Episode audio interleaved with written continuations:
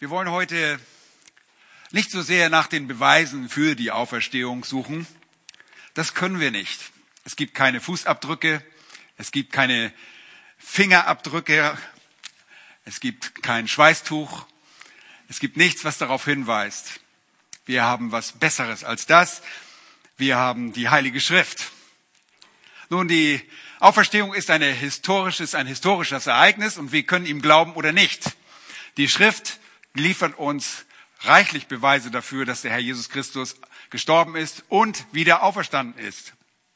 Und das kann man glauben oder man kann es nicht glauben und dann muss man mit den Konsequenzen dieses Unglaubens selbst fertig werden. Wir wollen heute uns anhand der Schrift ansehen, was die Auferstehung bewirkte und was sie bezeugt, was sie uns belegt. Wir gucken also nicht nach den Beweisen für die Auferstehung, sondern wir schauen, was sie mit sich bringt. Was wird durch Jesu Auferstehung vom Tode aufgezeigt? Und das ist auch keine schwere Frage. Sie bezeugt den gesamten Erlösungsplan und die Absichten Gottes. Damit ist die Auferstehung wirklich das Herz, das Herz von allem. Sie ist die Seele des Christentums. Und viele Leute glauben, dass Jesus gestorben ist. Ist nicht schwierig zu sterben, wir sterben alle. Aber dass er auferstanden ist, uh, das kann man nicht so einfach glauben. Und ich bin öfter mal auf dem Internet zugangen und ich habe mal das Thema Auferstehung eingegeben, um zu sehen, was so geglaubt wird, was in den Kirchen geglaubt wird. Und das ist schon sehr interessant, was man so glaubt. Vielerlei Meinungen über ein Ereignis, das stattgefunden hat. Für viele nur ein Mythos oder eine gute Geschichte, die man Kindern erzählen kann. Denn Kinder glauben ja schließlich alles. Aber wir sind doch aufgeklärte Leute. Sowas glaubt man doch nicht. Dass Jesus aus den Toten auferstanden ist? Nein, er war ein armer Revolutionär, der versucht hat, alles einzusetzen, aber kläglich gescheitert ist. So sagt die Welt. Und wir schauen hinein, wir lesen von der Auferstehung und wir wollen davon sehen, was diese Auferstehung uns bezeugt heute. Wenn du die Auferstehung Jesu Christi aus dem Christsein herausnimmst, dann hast du kein Christsein mehr. Dann nimmst du gewissermaßen das Herz aus dem Christsein heraus. Durch den Glauben nehmen wir die Auferstehung Jesu an. Es ist der Glaube, den Gott uns schenkt.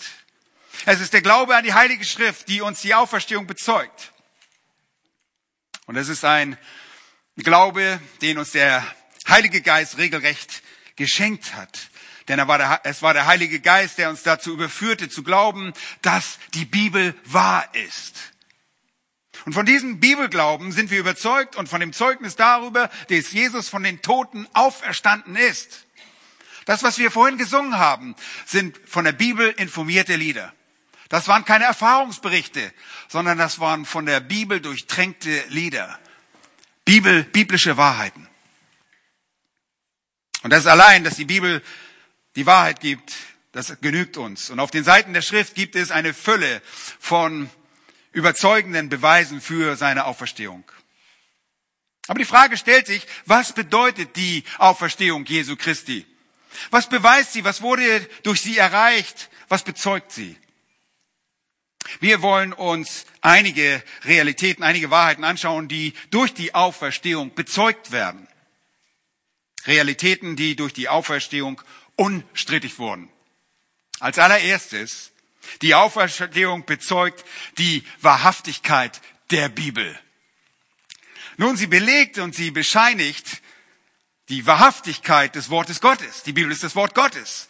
Und diese Aussage kehrt im Prinzip die übliche Vorgehensweise der Auferstehungsbotschaften um. Die lautet, ja, das Wort Gottes beweist die Auferstehung. Das wollen wir im Moment nicht tun, sondern wir wollen angucken, was sie die Auferstehung belegt. Wenn wir das also umgekehrt an die Sache herangehen, dann stellen wir fest, wie die Auferstehung das Wort Gottes beweist. Sie bestätigt und bezeugt die Wahrheit der Bibel. Nun, schlagt eure Bibeln gleich einmal auf in Apostelgeschichte 2. Dieses zweite Kapitel nimmt uns in den großen Tag der Geschichte der Gemeinde hinein, ihren ersten Tag, das ist die Geburtsstunde der Gemeinde am Pfingsten. am Pfingsttag. Die Gläubigen waren mit der Kraft des Heiligen Geistes erfüllt und wir sehen, wie Petrus zur Verkündigung einer gewaltigen Predigt aufsteht. Nun, dass diese Predigt so viel Frucht wirkt, das wünschen wir uns auch manchmal. Dort kommen 3000 Menschen zum Glauben und die Gemeinde ist geboren. Als er durch seine Predigt geht, zitierte eine alttestamentliche Passage. Wir haben das heute schon in der ersten Stunde gehört, in Apostelgeschichte 2, Vers 25. Er spricht von Christus und dessen Tod in Vers 23 und spricht dann von der Auferstehung in Vers 24 und sagt, ihn hat Gott auferweckt, indem er die Wehen des Todes auflöste. Warum? Weil es ja was möglich war, dass er von ihm festgehalten würde? Hm? Er sagt damit, dass Jesus was vom Tod auferstanden. Das war nicht möglich. Der Tod konnte ihn nicht halten. Und dann setzt er fort mit einem Zitat. Und wir haben es gehört in der ersten Stunde, wer hier war, Psalm 16. David, David nämlich sagt von ihm, ich sah den Herrn alle Zeit vor mir, denn er ist zu meiner Rechten, dass ich nicht wanke. Darum freute sich mein Herz und meine Zunge frohlockte, zudem wird auch mein Fleisch und auf Hoffnung ruhen. Denn du wirst meine Seele nicht dem Totenreich preisgeben und nicht zulassen, dass dein Heiliger die Verwesung sieht. Du hast mir die Wege des Lebens gezeigt. Du hast mich mit Freude, du wirst mich mit Freude erfüllen vor deinem Angesicht. Es ist Petrus, der hier Psalm 16 zitiert. David. Und nun sagt vielleicht jemand, na gut, okay, das ist David, er schrieb sicherlich dies über sich selbst. Aber das stimmt nicht. Denn die Seele Davids ging in den Hades und Davids Leib verweste. Es ging in den Totenreich und David ist auch nicht wieder zu dem physischen Mann geworden, der er einst war. Er kehrte nicht zum Leben zurück. Zumindest nicht zu der Zeit. Dieser Abschnitt kann sich also nicht auf David beziehen. Achtet einmal auf Vers 29 wie Petrus diese Dinge auslegt. Da sagt er, ihr Männer und Brüder, es sei mir erlaubt, freimütig zu euch zu reden von dem Stammvater David. Er ist gestorben und begraben und sein Grab ist unter uns bis zu diesem Tag. Mit anderen Worten sagt Petrus, nun, David, äh, ja, David kann dies nicht sein und kann das nicht auf sich selbst beziehen. David wurde nämlich den Tod preisgegeben und sein Grab ist noch unter uns. Sie kannten sogar den Ort seiner Grabstätte und wussten, dass David nicht zu einem irdischen Leben zurückgekehrt war. Deshalb kann es sich nicht auf David beziehen. Vers 30 sagt er weiter. Da er nun ein Prophet war und wusste, wer? David, dass Gott ihm mit einem Eid verheißen hatte, dass er aus, äh, er aus der Frucht seiner Lenden dem Fleisch nach den Christus erwecken werde, damit er aus seinem Thron sitze, hat er vorausschauend von der Auferstehung des Christus geredet, dass seine Seele nicht dem Totenreich preisgegeben worden ist und auch sein Fleisch die Verwesung nicht gesehen hat. Das war Vers 31. Mit anderen Worten sagt Petrus hier, dass David als ein Prophet von der Auferstehung Jesu Christi prophezeite. Es war das Fleisch Jesu Christi, das in Hoffnung fortbestand, und es war die Seele Jesu Christi, die nicht dem Hades preisgegeben wurde. Er war derjenige, der als der Heilige niemals die Verwesung erleben sollte. Es war Jesus Christus, dem die Wege des Lebens zurückgegeben wurden und der zurückkehren sollte, um in völliger Freude vor das Angesicht Gottes zu treten. In David wurde dies also nicht erfüllt. Sein versiegeltes Grab ist noch immer in der Nähe von Siloam. Aber David war ein Prophet und David sagte die Auferstehung des Messias voraus. Erstaunlich. Wenn wir jetzt also die Argumentationsweise des Petrus gewissermaßen zusammenfassen, dann in etwa so. Er sagt, Psalm 16 bezieht sich auf jemanden, der auferweckt wird. Und er sagt, es konnte nicht David sein. Der Messias sollte also als der größere Sohn Davids kommen und aus den Lenden Davids stammend sollte er kommen. Der Psalm bezieht sich auf den Messias. Und daher ist er der Messias, der von den Toten auferweckt wird. Und genauso ist auch die Schlussfolgerung des Petrus in Vers 32 in dem Text. Diesen Jesus hat Gott auferweckt. Ihr Lieben, das Alte Testament sagt somit im Psalm 16 die Auferstehung des Messias voraus. Wenn Jesus nicht aus dem Grabe auferstanden wäre, dann würde uns die Bibel was erzählen? Eine Lüge. Denn wäre sie nicht wahrheitsgemäß. Oh, es gibt noch viele andere Stellen im Alten Testament, aber ich möchte das heute dabei belassen. Die Auferstehung des Herrn beweist somit, dass die Bibel, und zwar die ganz komplette Bibel, das Alte Testament, einschließlich die Wahrheit spricht. Sie erweist sich als das wahre Wort Gottes. Und das ist, was die Auferstehung jetzt mit sich bringt. Im Alten Testament vorhergesagt, im Neuen Testament erfüllt. Lieben, wir haben ein wahrhaftig, ein wahres Wort. Wenn es nicht so wäre, ich könnte nach Hause gehen. Ich könnte jetzt nach Hause laufen, meine Sachen packen, vielleicht baden. Nee, baden ist ein bisschen kalt, aber irgendwas anderes machen. Die Auferstehung des Herrn beweist somit, dass die Bibel die Wahrheit spricht. Sie erweist das Wort Gottes als wahr. Schlagt einmal im Neuen Testament auf, Johannes Kapitel 2 und Vers 19. Und da spricht Jesus zu den zeichenfordernden Juden. Und er sagt, ihr wollt ein Zeichen, ich gebe euch eins. Brecht diesen Tempel ab und in drei Tagen werde ich ihn aufrichten. Nun, das ist äh, eine Prophetie der Schrift gesprochen durch unseren Herrn Jesus Christus, aufgezeichnet im Johannesevangelium. Und die Juden entgegneten in ihrer Ignoranz, Moment mal, 46 Jahre ist an diesem Tempel gebaut worden und sie beziehen sich natürlich auf den Bau des äh, Herodes-Tempel von Herodes, den Tempel von Herodes und sie denken dabei wirklich, wie kann das angehen? Unmöglich. Und du willst ihn in drei Tagen aufrichten? Und dann heißt es dort, aber er sprach von dem Tempel seines Leibes. Die griechischen Worte offenbaren das sogar, dass unterschiedliche Worte benutzt werden. Er spricht von seinem Leib.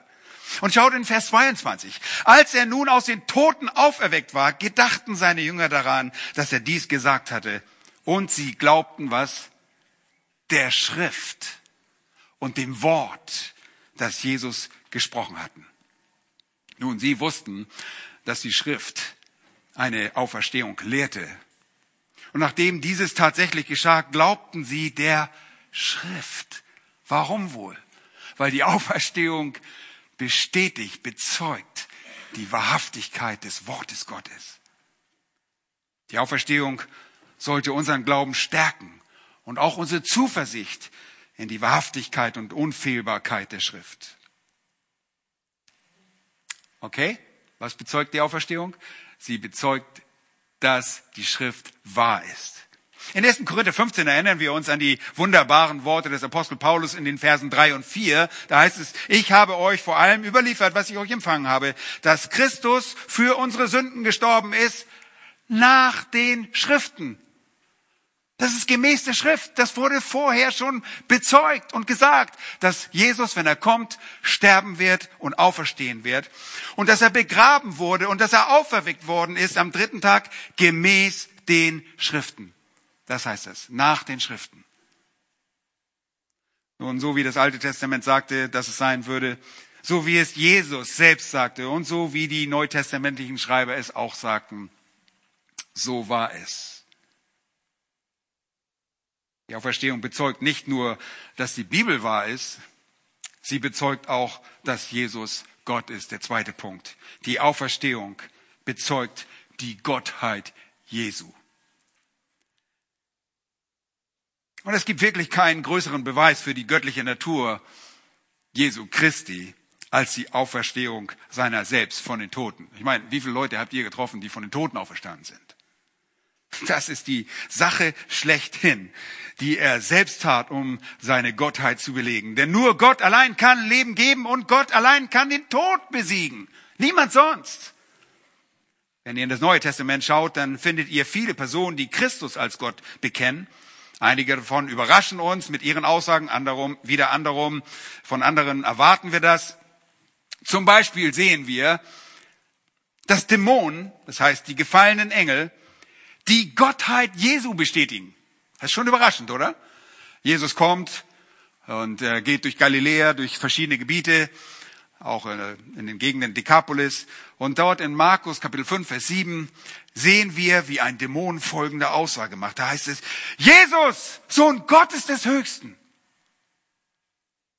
Selbst die Dämonen, die gefallenen Engel wissen um seine Gottheit. In Johannes 9 treffen wir den blindgeborenen Mann, den Jesus heilte.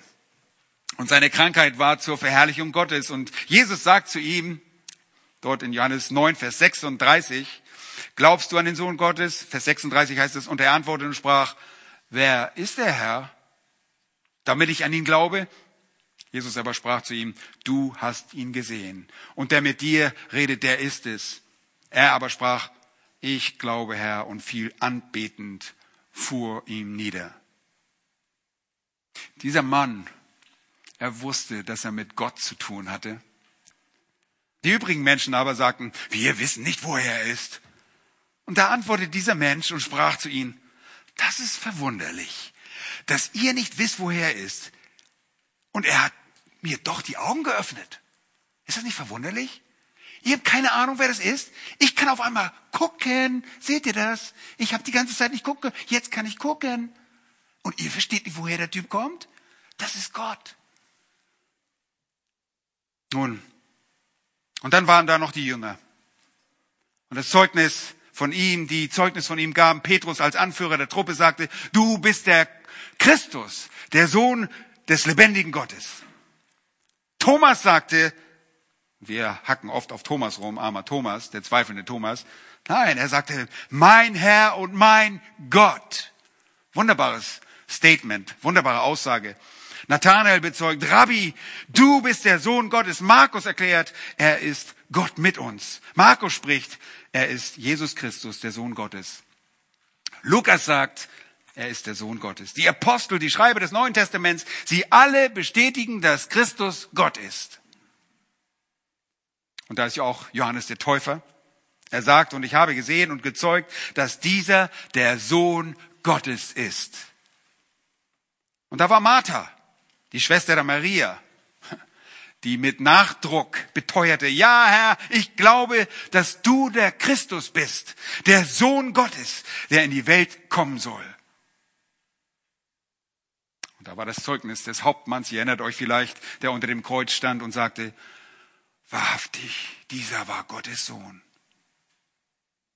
Und zu all dem machte Christus selbst wiederholt Aussagen wie diese. Er sagte, wer mich gesehen hat, hat den Vater gesehen. Ich, ich und der Vater sind eins. Nun, ihr habt das Zeugnis all dieser Personen, die die Gottheit des Christus bestätigen. Aber keines dieser ist so mächtig wie das Zeugnis des Vaters seiner, bei seiner Verklärung. Und zwar in dem Moment, als Gott, der Vater, aus dem Himmel sprach und sagte, dies ist mein geliebter Sohn, auf ihn sollt ihr hören. Ich meine, das allein hätte ausreichen sollen. Aber ein noch stärkeres Statement Gottes war, dass er ihn auferweckte und damit so viel sagte wie, dies ist mein geliebter Sohn, und er hat sich erwiesen als mein Sohn, indem er von den Toten auferweckt wurde. Jetzt umso gewisser. Und aus jedem Anlass hört auf ihn. Der Vater ist der oberste Zeuge. Und in der Apostelgeschichte 13, Vers 30 heißt es, Gott aber hat ihn aus den Toten auferweckt. Er tat es um Zeugnis von der Gottheit Jesu abzulegen. In Römer 6, Vers 4 sagt er uns auch, dass Christus aus den Toten auferweckt worden ist durch die Herrlichkeit des Vaters. Der Vater wollte ihn auferwecken, sodass durch seine Herrlichkeit, seine Macht, seine Eigenschaften, sein, sein Wesen Christus von den Toten auferweckt wurde. Und dann sehen wir in Epheser Kapitel 1, Vers 19, die überragende Größe der Kraft Gottes. Wie groß ist diese Kraft? Vers 20, Epheser 1, Vers 20. Die hat er in Christus, die Kraft hat er in Christus wirksam werden lassen, indem er ihn aus den Toten auferweckt hat und zu seiner Rechten in der Himmelswelt gesetzt hat. Seht ihr? Nochmals, Gott ist derjenige, der Christus auferweckt hat. Und er tat dies, um Zeugnis von der Gottheit des Christus zu geben. Er wurde in seiner Auferstehung beides, Herr und Christus. Die Auferstehung, so sagt Jesus in der Apostelgeschichte 2, Vers 36, zeigt ihn als Herrn und als den Christus, den Messias. Demnach bezeugt die Auferstehung, dass Jesus nicht nur in die Welt kam, um Sünder zu retten, sondern sie belegt, dass er selbst Gott war. Römer 4, Vers 25 ist möglicherweise der wunderbarste und stärkste Vers im Hinblick auf die Anwendung seiner Auferstehung. Und dieser führt uns zu dem dritten Punkt. Der erste war, die Auferstehung belegt die Wahrhaftigkeit der Bibel. Der zweite Punkt, die Auferstehung bezeugt die Gottheit Jesu. Und der dritte ist, die Auferstehung bezeugt die Vollständigkeit beziehungsweise die Vervollständigung der Erlösung Gottes. Sie ist nur mit der Auferstehung vollständig aber auch die Auferstehung bezeugt die Vollständigkeit. In Römer 4, Vers 25 heißt es von Jesus, der unser Übertretung wegen dahingegeben und unser Rechtfertigung wegen auferweckt worden ist, damit Gott uns als gerecht erklären konnte, musste er Jesus von den Toten auferstehen. Wenn das heißt, dass der Name Jesus genannt werden soll, denn er wird sein Volk erretten von seinen Sünden, dann ist es genau das, was Gott wollte. Aber damit er das erreichen konnte, musste er in Christus von den Toten erwecken. Nun, um die Errettung vollständig sein zu lassen, musste Jesus auferweckt werden. Es reicht nicht nur von einem Kreuz zu singen. Es ist, glaubt nicht nur, es, es reicht nicht aus, nur an ein Kreuz zu denken und an ein Kreuz zu glauben. Das Herzstück ist die Auferstehung. Um die Errettung vollständig sein zu lassen, musste Christus auferweckt werden. Er war der Weg des Vaters. Es war der Weg des Vaters, um auszudrücken, dein Tod hat seinen beabsichtigten Zweck erreicht. Der Vater war mit ihm zufrieden. Er weckte ihn.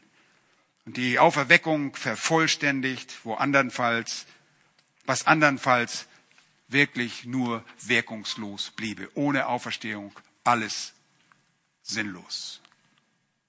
Und es war Gott, der ihn von den Toten auferweckte, um zu bestätigen, dass er am Kreuz der heiligen Gerechtigkeit Genüge getan hat. Er war das Sühnopfer. Wäre er nicht auferstanden, dann wäre Jesus lediglich ein Superstar. Und sein Tod wäre der Tod eines gewöhnlichen Mannes. Dann hätten diese Leute recht dann hätten diese Leute recht, die sagen, er wäre ein Revolutionär gewesen, der gescheitert ist. Dann wäre er nur ein Mann ohne rettende Bedeutung. Aber, das schöne Aber, das wir so oft in der Schrift auch lesen, aber er stand vom Tode auf und er wurde vom Vater um unserer Rechtfertigung willen auferweckt. Er wurde erweckt, damit wir in den Augen Gottes gerecht werden konnten. Damit wir in den Augen Gottes ohne Sünde sein sollten, damit unsere Sünde weggetan und vergeben werden konnte. Und als er auferweckt wurde, da war es quasi so, als wollte Gott sagen, ich nehme das Opfer an. Ich bin zufrieden mit diesem Opfer. Deshalb erwecke ich dich zum Leben. Und es gibt einige wesentliche Elemente in unserer Rettung, die von der Auferstehung abhängig sind. Und behaltet mal Römer 4, 25 weiter im Auge. Da ist alles enthalten. Da ist zunächst die Rechtfertigung, die die Verleihung des ewigen Lebens mit einschließt. Das ewige Leben ist also wiederum von der Auferstehung abhängig. Da heißt es denn, wenn wie in Adam alle sterben, so werden auch in Christus alle lebendig gemacht. Und Johannes 14, Vers 19 heißt es, sagt Jesus, weil ich lebe, werdet auch ihr leben. Mit anderen Worten, es war der Tod Christi und die Auferstehung, die uns das ewige Leben gewährte. Nochmals, wäre er nicht auferstanden, dann wäre er logischerweise noch tot, oder? Und ein Toter könnte uns kein Leben geben. Es gibt genug Religionen, die tote Götter haben, die irgendwelche Götzen anbeten. Aber er stand auf. Und er sagte in Johannes 11, Vers 25, ich bin die Auferstehung und das Leben. Wer an mich glaubt, wird leben, auch wenn er gestorben ist. Überwältigend. Das predigt sich sehr gut auf Beerdigungen. Wenn gläubige Menschen das Zeitliche segnen, dann erinnern wir daran, dass das Leben kein Ende hat. Nun, erstens, dein ewiges Leben. Und das ewige Leben hängt von der Auferstehung ab, denn sie ist ein wesentlicher Bestandteil zur Vervollständigung der Errettung. Das ist der erste Unterpunkt unter drei. Erstens, dein ewiges Leben hängt von der Auferstehung ab. Zweitens, das Senden des Heiligen Geistes war von der Auferstehung abhängig. Denn wenn Jesus nicht vom Grabe auferstanden ist, dann ist er auch nicht zum Vater aufgefahren. Und wenn er nicht zum Vater aufgefahren ist, dann hat er auch nicht den Heiligen Geist gesandt. Er selbst sagte einmal, dass er nicht den Heiligen Geist senden könne, bis dass er zum Vater zurückkehrt. Erinnert euch in Johannes Kapitel 16, dort im oberen Saal, als er die Jünger auf seinen Tod vorbereitete, sagt er, doch ich sage euch die Wahrheit. Es ist euch nützlich, dass ich weggehe. Denn wenn ich nicht weggehe, wird der Beistand nicht zu euch kommen. Wenn ich aber hingehe, werde ich ihn zu euch senden. Und wenn er gekommen ist, wird er die Welt überführen von Sünde und von Gerechtigkeit und von Gericht. Und dieser Beistand ist der Heilige Geist. Weiter heißt es auch, wenn er kommt, dann wird er euch in die ganze Wahrheit leiten. Wenn er kommt, dann wird er euch an alles erinnern. Wenn er kommt, dann wird er euch in den Leib Christi versetzen. Und wenn er kommt, dann wird er euer Garant für das ewige Leben sein. Ihr, was Paulus sagt im Epheserbrief? Wir sind versiegelt mit wem? Mit dem Heiligen Geist. Er ist das Unterpfand auf unsere Erlösung. Wenn er kommt, wird er in euch Wohnung machen und ihr werdet sein Tempel sein. Wenn er kommt, dann wird er euch dem, zum Dienst befähigen. Und wenn er kommt, dann wird er euch auch leiten. Wenn er kommt, dann wird er euch im Wort Gottes unterweisen. Er wird die Salbung sein, die euch unterrichtet, sodass ihr es nicht nötig habt, dass euch jemand belehre. Der Heilige Geist schließt uns die Wahrheiten der Schrift auf. Und der gesamte Dienst des Heiligen Geistes ist so von der Auferstehung des Herrn abhängig. Wenn Jesus nicht auferstanden wäre, dann hätte er auch nicht auffahren können. Wenn er nicht zum Vater hätte auffahren können, dann hätte er auch nicht den Heiligen Geist senden können. Wie logisch ist das? Ich meine, keine Auferstehung, keine Himmelfahrt. Keine Himmelfahrt, kein Heiliger Geist. Kein Heiliger Geist, keine Gemeinde. Was machen wir hier eigentlich? Ja, er ist aber auferstanden. Und wenn wir über die Auferstehung als Vervollständigung der Erlösung sprechen, dann, weil sie das Herzstück des Christseins ist. Der dritte Unterpunkt. Jesus musste auferstehen, um uns die Sünden zu vergeben. Wäre er nicht vom Tode auferstanden, dann wüssten wir jetzt nicht, dass der Vater mit dem Opfer seines Sohnes zufrieden war. Dadurch, dass er aufstand, ist es die Bestätigung dafür. Sein Opfer wäre in diesem Fall, wenn er nicht auferstanden wäre, wirkungslos. Es wäre nicht wirksam. Und wir wären noch immer in unserer Sünde. Wie schrecklich. Der Vater hätte ihn auch nicht erhöht und nicht in die Herrlichkeit aufgenommen, wie wir gesungen haben, weil er nicht tat, was er hätte tun sollen. Dann wäre Jesus der Versager gewesen. Aber das Gegenteil ist wahr. Da Jesus von den Toten auferweckt wurde, zu Rechten Gottes aufgenommen und zu Rechten des Todes Gottes seinen Platz einnahm, bestätigt durch Gott aufgrund der perfekt erreichten Erlösung, gibt es Vergebung von Sünden. Das nennt man die gute Nachricht. Denn wegen der Sünde werden wir in die ewige Verdammnis gehen, wenn du niemand hast, der dafür bezahlt. Jesus sagte, es ist vollbracht. Er, der mit der deutlichen Absicht des Sterbens kam, um den Tod und die Sünde zu sühnen, hat sein Ziel erreicht. Er, so heißt es, musste in allen den Brüdern gleich werden, damit er barmherzig und ein treuer hoher Priester vor Gott werde, um die Sünden des Volkes zu sühnen. Hebräer 2, 17.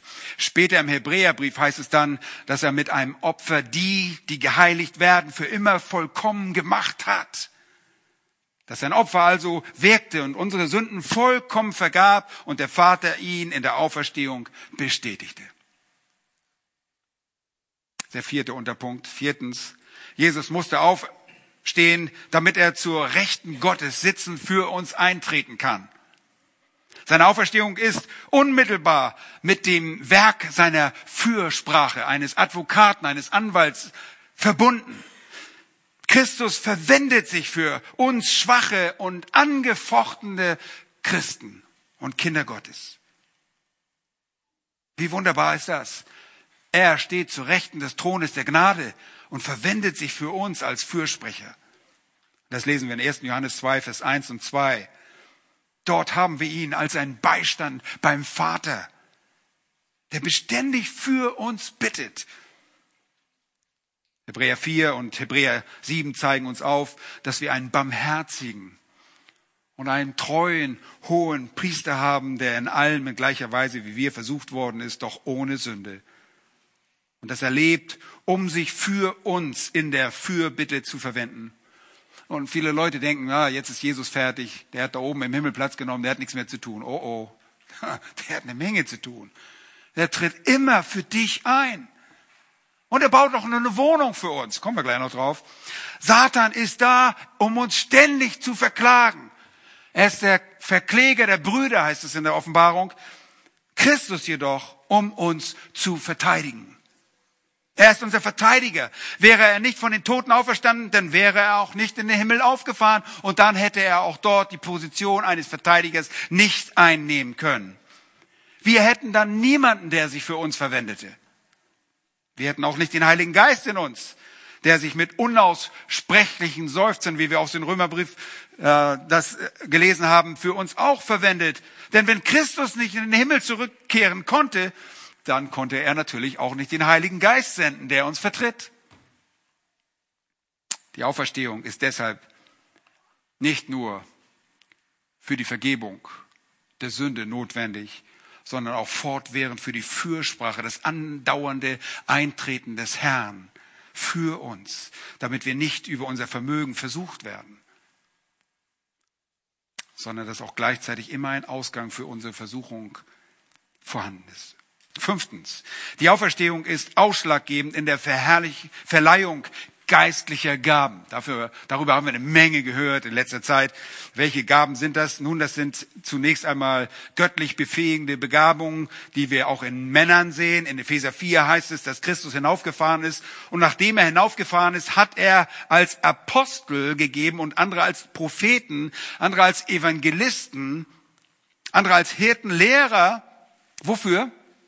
Zur Zurüstung der Heiligen für das Werk des Dienstes, für die Erbauung des Leibes Christi. Von Erbauung haben wir auch viel gehört, ne? Das Thema, das sich da im ersten Korinther durchzieht. Und deshalb hat der Herr uns Gaben gegeben in Form von Männern.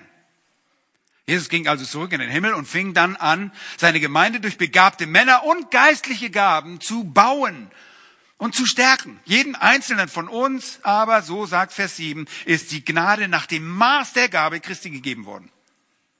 Und er gab uns diese Gabe, als er zum Himmel auffuhr.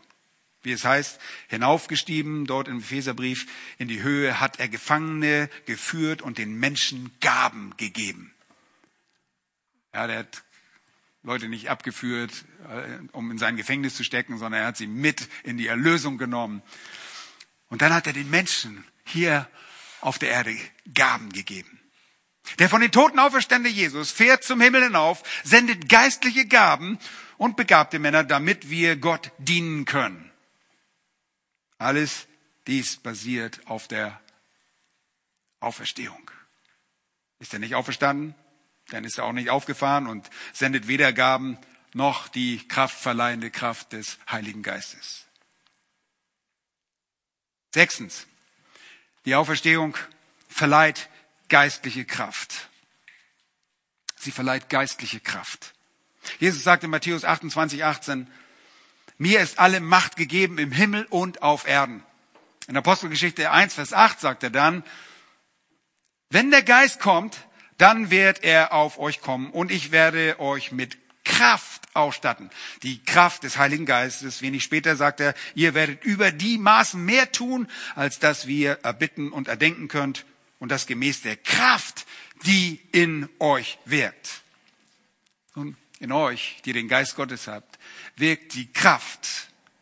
So sagt uns Epheser 1, die Jesus von den Toten auferweckte. Und Jesus sendet uns Kraft, die befähigende Kraft und Autorität des Geistes Gottes. Zum Schluss, siebtens, ist noch nicht der Schluss der Predigt, so schnell bin ich nicht, also das wisst, das wisst ihr mittlerweile. Siebtens, in der Auferstehung Christi wird uns eine neue Stellung des Segens zuteil. In Epheser 1.3 heißt es, dass er uns gesegnet hat mit jeder geistlichen Segnung in der Himmelswelt, in Christus. Und Christus ist in der Himmelswelt und weil er dort ist, überschüttet er uns mit allen geistlichen Segnungen. Epheser 2, 7 sagt, dass er uns in den kommenden Zeitaltern, also in aller Ewigkeit, den überragenden Reichtum seiner Gnade in Güte an uns, in Christus, Jesus, erweisen wird.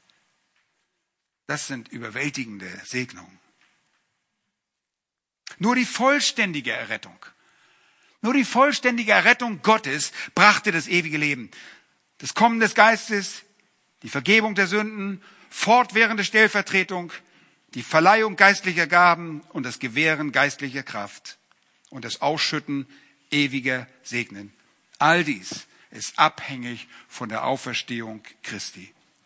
Wenn Christus nicht auferstanden wäre, dann gäbe es nichts von all dem. Gar nichts. Nun, Unsere Untersuchung zielt nicht auf die Beweisung für eine Auferstehung, sondern zielt darauf, was die Auferstehung bezeugt. Erstens haben wir gesagt, sie bezeugt die Wahrhaftigkeit der Bibel. Zweitens bezeugt sie die Gottheit Jesu und drittens bezeugt sie, dass die Errettung Gottes vollständig ist und durch die Auferstehung vervollständigt wird. Viertens, die Auferstehung bezeugt die Gründung der Gemeinde Gottes. Unser Herr sagte in Matthäus 16, Vers 18, ich werde meine Gemeinde bauen. Und des Hades Pforten werden sie nicht überwältigen. Wisst ihr, was das heißt? Was sind die Pforten des Hades? Das ist der Tod. Das ist einfach eine jüdische Ausdrucksweise und bedeutet Tod. Ich werde meine Gemeinde bauen und der Tod wird das nicht verhindern. Nicht dein Tod und nicht mein Tod, sagt Jesus, wird das verhindern. Ich baue die Gemeinde. Ich werde sterben, aber ich werde auferstehen. Der Tod hält mich nicht davon ab, meine Gemeinde zu bauen.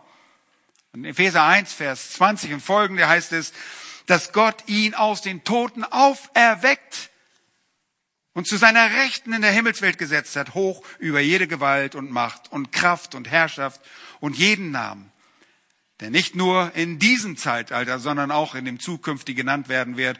Und alles hat er seinen Füßen unterworfen und ihn als Haupt über alles der Gemeinde gegeben. Und diese Gemeinde, sagt er, die ist sein Leib, die Fülle dessen, der alles in allen erfüllt. Und als er auferstand, nahm er dann seinen Platz ein. Er wurde das Haupt der Gemeinde. Die Auferstehung ist unentbehrlich für die Gründung der Gemeinde. Ohne Auferstehung gibt es keine Gemeinde. Jeder Mann, der behauptet, ein Glied der Gemeinde zu sein und nicht an die Auferstehung Jesu glaubt, der täuscht sich gewaltig. Die wahre Gemeinde ist die Gemeinde derjenigen, denen das Leben durch die Auferstehung Jesu zuteil wurde. Nun, fünftens, die Auferstehung bezeugt das Kommen vom Gericht Gottes. Und das ist eine traurige Wahrheit. Die Auferstehung bezeugt die Unabwendbarkeit des Gerichtes Gottes.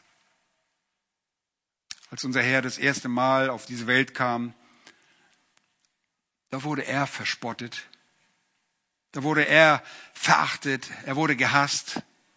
Er war ein Mann der Schmerzen, vertraut mit Betrübnis und Leid. Und er wurde gedemütigt, er unterwarf sich selber dieser schrecklichen Behandlung. Und die Menschen sagten, dass er die Hölle sei. Sie verprügelten ihn, sie bespuckten ihn, sie setzten ihm eine Krone von Dornen auf sein Haupt, sie trieben Nägel durch seine Hände und Füße und rammten eine Lanze in seine Seite. Und sie stellten ihn halbnackt zur Schau, zur Belustigung in der Öffentlichkeit. Aber ihr Lieben, das ist nicht der letzte Auftritt des Herrn. Das ist nicht der letzte Auftritt des Herrn, denn die Welt wird Jesus sehen, denn er stand vom Tode, um ihr Richter zu werden. Sie richteten ihn als ein Verbrecher hin, aber er wird zurückkommen, um ihr Richter zu sein. Hört einmal auf Johannes 8, wo Jesus den Juden, die ihn ablehnten, in Vers 26 sagt, vieles habe ich über euch zu reden und zu richten. Und er sagt damit, die Sache ist nicht erledigt. Es ist nicht vorbei. Schaut einmal zurück in Vers 21 dort in Johannes 8. Da sagt er, weil ihr mich nicht kennt, werdet ihr in euren Sünden sterben. Und wohin ich gehe, könnt ihr nicht hinkommen. Und er sagt, ich habe noch mehr zu sagen. Und Gericht werde ich in Bezug auf euch ausüben müssen. Und zu Beginn des Kapitels in Johannes 5 spricht er sehr spezifisch ähm, über das Gericht, beziehungsweise dort in Vers 22 sagt er, alles Gericht ist dem Sohn übergeben. Jesus ist das Lamm Gottes.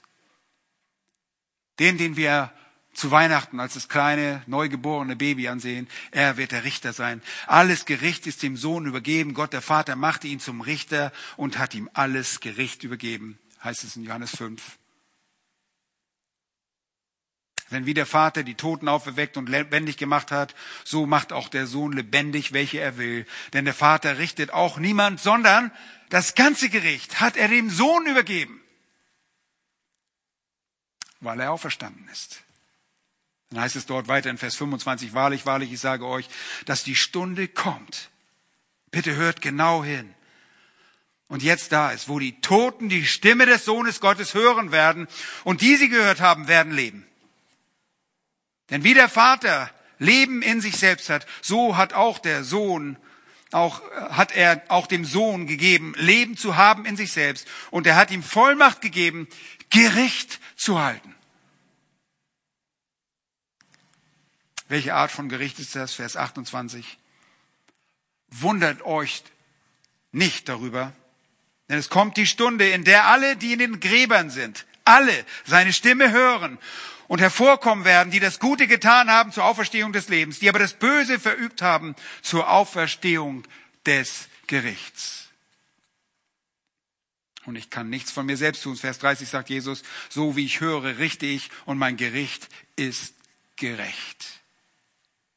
Er wird wiederkommen als nicht ein Richter, sondern der Richter. Er wird die Jury als Verurteiler und Vollstrecker kommen. Gott selbst hat dazu Zeugnis abgelegt. Und er wurde als Verbrecher getötet und wird als auferstandener Richter zurückkehren. Hört einmal auf Apostelgeschichte 10, Abvers 40, da heißt es, diesen, das ist Jesus, hat Gott am dritten Tag auferweckt hat und ihn sichtbar werden lassen. Nicht dem ganzen Volk, sondern den von Gott zuvor erwählten Zeugen. Uns, die wir ihm mit ihm gegessen und getrunken haben, nachdem er aus den Toten auferstanden war. Warum ist er den Aposteln erschienen? Schaut einmal den Text, Vers 42, damit sie dem Volk predigen und eindringlich bezeugen, dass er, Jesus, der von Gott verordnete Richter der Lebendigen und der Toten ist. Das war ihr Auftrag. Das ist unser Auftrag heute. Zu sagen, Jesus kommt als Richter. Und wir sind dazu verordnet, Menschen zu warnen. Kehrt um, tut Buße. Er wird kommen. Das ist kein Märchen. Er wird als der von Gott verordnete Richter kommen. In Apostelgeschichte 17 Sehen wir Paulus auf dem Areopag in Athen, wie er dort predigt und er sagt in Vers 13, 30, Nachdem nun Gott die Zeiten der Unwissenheit übersehen hat, gebietet er jetzt den Menschen, dass sie überall Buße tun sollen. Vers 31, weil er einen Tag festgesetzt hat, dem er den Erdkreis richten wird in Gerechtigkeit. Durch einen Mann, den er dazu bestimmt hat. Und wie hat Gott bewiesen, dass Christus dieser Mann ist? Der Text sagt, und er hat allen dadurch den Beweis gegeben, dass er ihn auferweckt hat aus den Toten.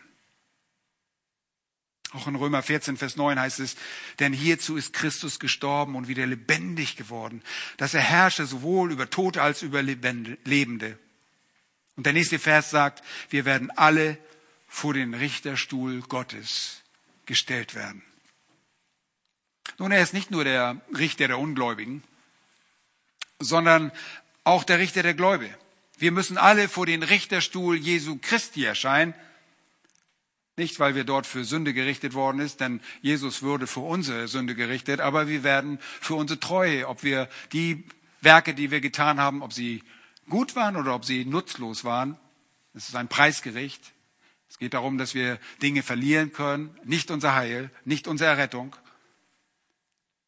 Wir müssen vor ihm erscheinen der von den Toten auferstehen, standende Herr, beweist in seiner Auferstehung, dass das Wort Gottes wahr ist.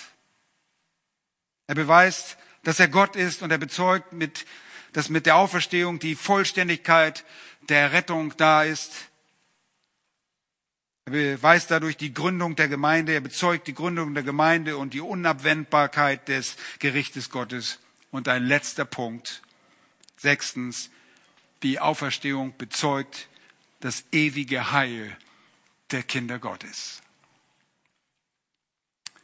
Die Auferstehung bezeugt das ewige Heil der Kinder Gottes. Seine Auferstehung ist die Garantie für unseren ewigen Himmel. Nochmals die bekannten Worte des Herrn aus Johannes 14.